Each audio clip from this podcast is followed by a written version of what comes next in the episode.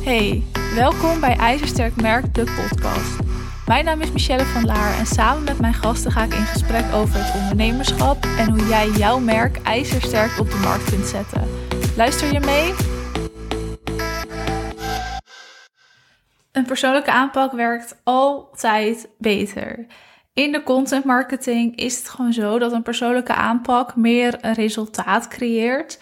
Nou, dus voor meer resultaat zorgt. En ik ga je gewoon even meenemen nou, in waarom dat zo is. Het is namelijk zo dat als we het bijvoorbeeld hebben over social media, dus een Instagram, een persoonlijk account het altijd beter doet. Het zorgt voor meer engagement, voor meer interactie. En we vinden het ook leuker om een persoon te volgen dan om een bedrijf te volgen. Als jij dus een persoonlijke aanpak gebruikt op bijvoorbeeld Instagram, dan zorgt dat automatisch ervoor dat mensen jou sneller gaan volgen. Maar als je het wel zakelijk inzet, zorgt dat er ook voor dat mensen je sneller gaan vertrouwen en uiteindelijk dus sneller bij je kopen.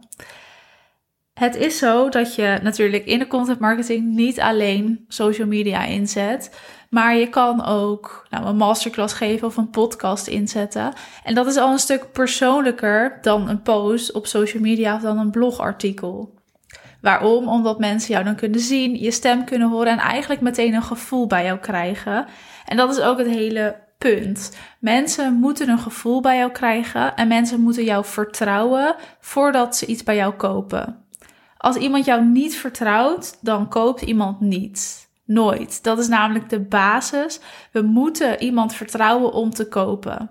En ik wil je eens even meenemen in jouw laatste aankoop. Dus wanneer heb jij voor het laatst iets gekocht? Misschien wel een cursus of een coaching bij iemand. En wat ging daaraan vooraf? Dus wat nou, is daaraan vooraf gegaan? Welk pad heb je bewandeld voordat je iets bij iemand had gekocht? Kende je diegene al? Volgde je diegene al? Heb je misschien een masterclass bij diegene gevolgd?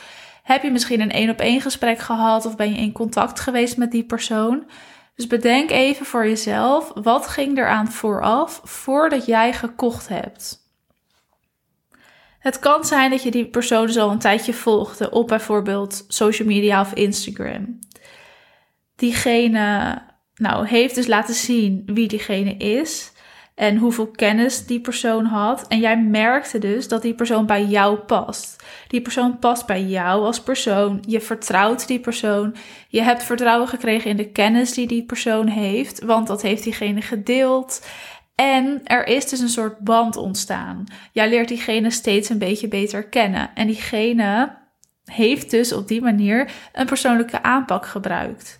Misschien ben je daarna met iemand in contact gekomen en heb je iemand dus één op één gesproken. Nou, persoonlijker kan natuurlijk niet, hè? dat snap je, want op dat moment praat je één op één met iemand, weet je meteen hoe iemand is en voel je meteen of het klikt. Het kan ook zijn dat jij een masterclass hebt gevolgd of een podcast aan het luisteren bent van iemand en dat je op die manier vertrouwen hebt gekregen in die persoon. Bijvoorbeeld omdat je iemand beter leerde kennen en je merkt dus weer dat die persoon bij jou past. Je krijgt vertrouwen in zijn of haar kennis, omdat diegene ook zijn of haar kennis deelt. In dus een masterclass of door middel van podcastafleveringen. En op die manier is er dus vertrouwen gecreëerd. In allebei de gevallen, of in eigenlijk alle gevallen, is het dus nodig voor de andere persoon om zichzelf echt te laten zien. En jezelf echt laten zien bedoel ik niet dat je foto's van jezelf post en daarbij alleen maar tips deelt, maar dat je ook een beetje het achterste van je tong laat zien.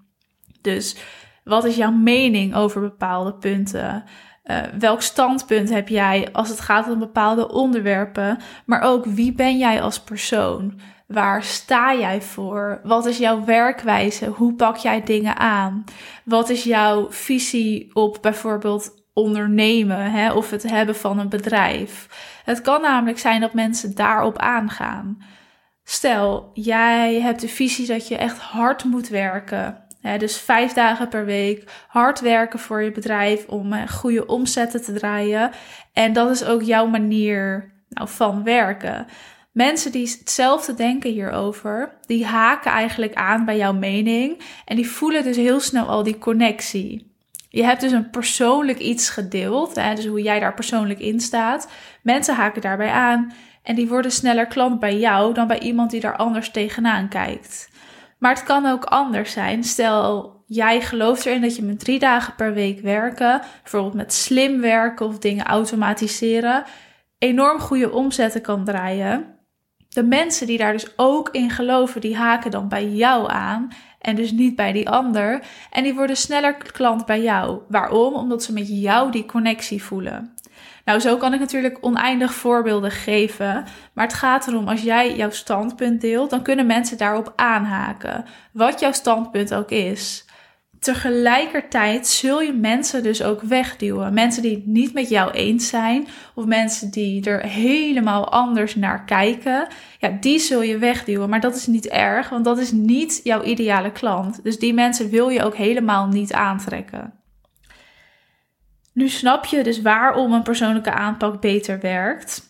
Maar nog even feitelijk gezien, het is ook onderzocht dat wij het fijn vinden om met mensen te werken. We kopen van mensen. We kopen geen product, maar we kopen het gevoel. We kopen niet van bedrijven, maar we kopen van mensen.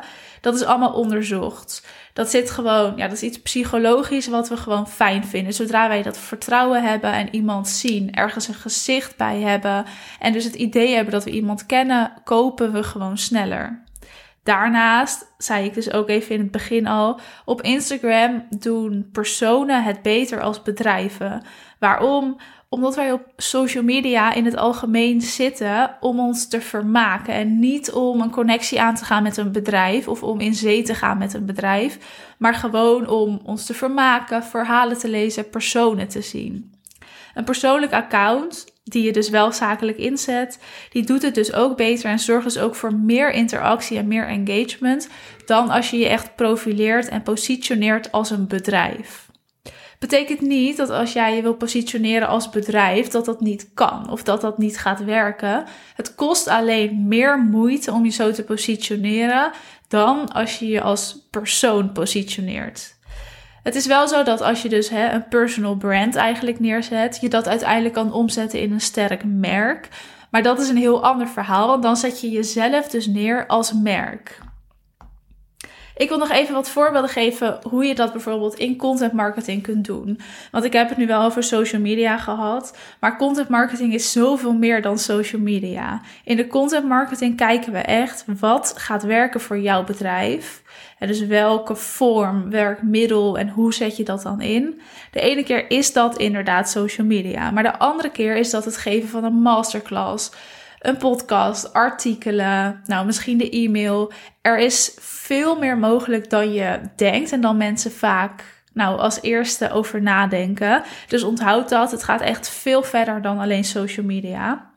Stel, je houdt hem of je maakt een podcast, zo moet ik dat zeggen, dan is dat automatisch al een stuk persoonlijker. Stel je geeft een masterclass, zorg dan dat je lekker jezelf bent, dat je je comfortabel voelt, dat je jezelf even voorstelt, maar ook dat je persoonlijke verhalen daarin verwerkt. En dat is eigenlijk een hele fijne tip, dus onthoud die ook.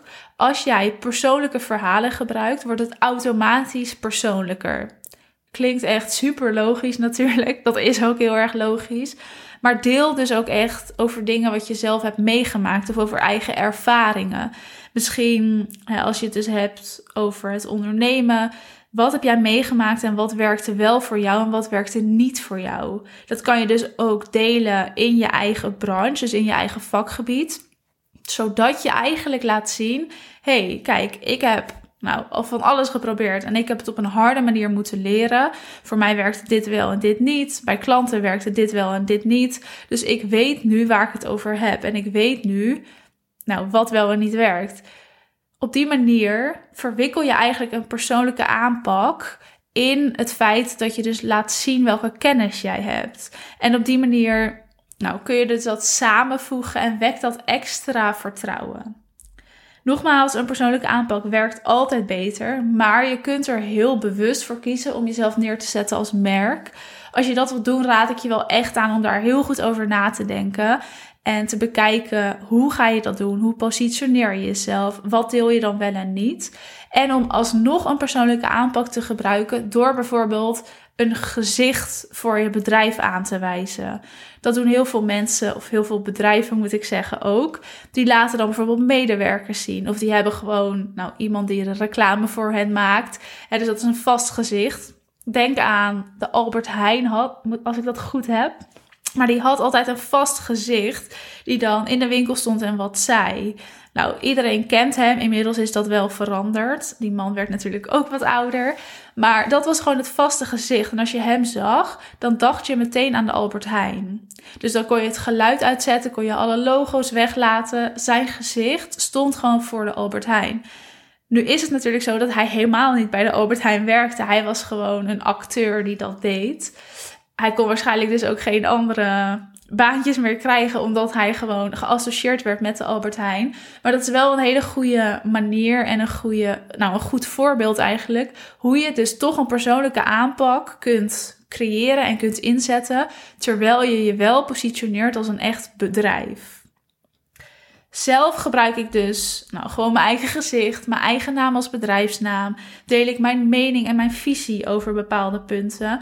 En dat is mijn persoonlijke aanpak. Heb je deze aflevering geluisterd? Laat me dan even weten dat je hebt geluisterd. En ik ben natuurlijk heel benieuwd, hoe pak jij dit aan? Zet jij een persoonlijke aanpak in? Zo ja, hoe doe je dat dan? Of kies jij er misschien juist voor om je als bedrijf neer te zetten? En dan ben ik natuurlijk ook heel benieuwd waarom je die keuze hebt gemaakt en hoe je dat doet. Je hebt deze aflevering helemaal afgeluisterd. Vond jij deze aflevering ook te gek? Vergeet dan niet te abonneren op de podcast en laat vooral even weten dat je geluisterd hebt. Tot de volgende keer.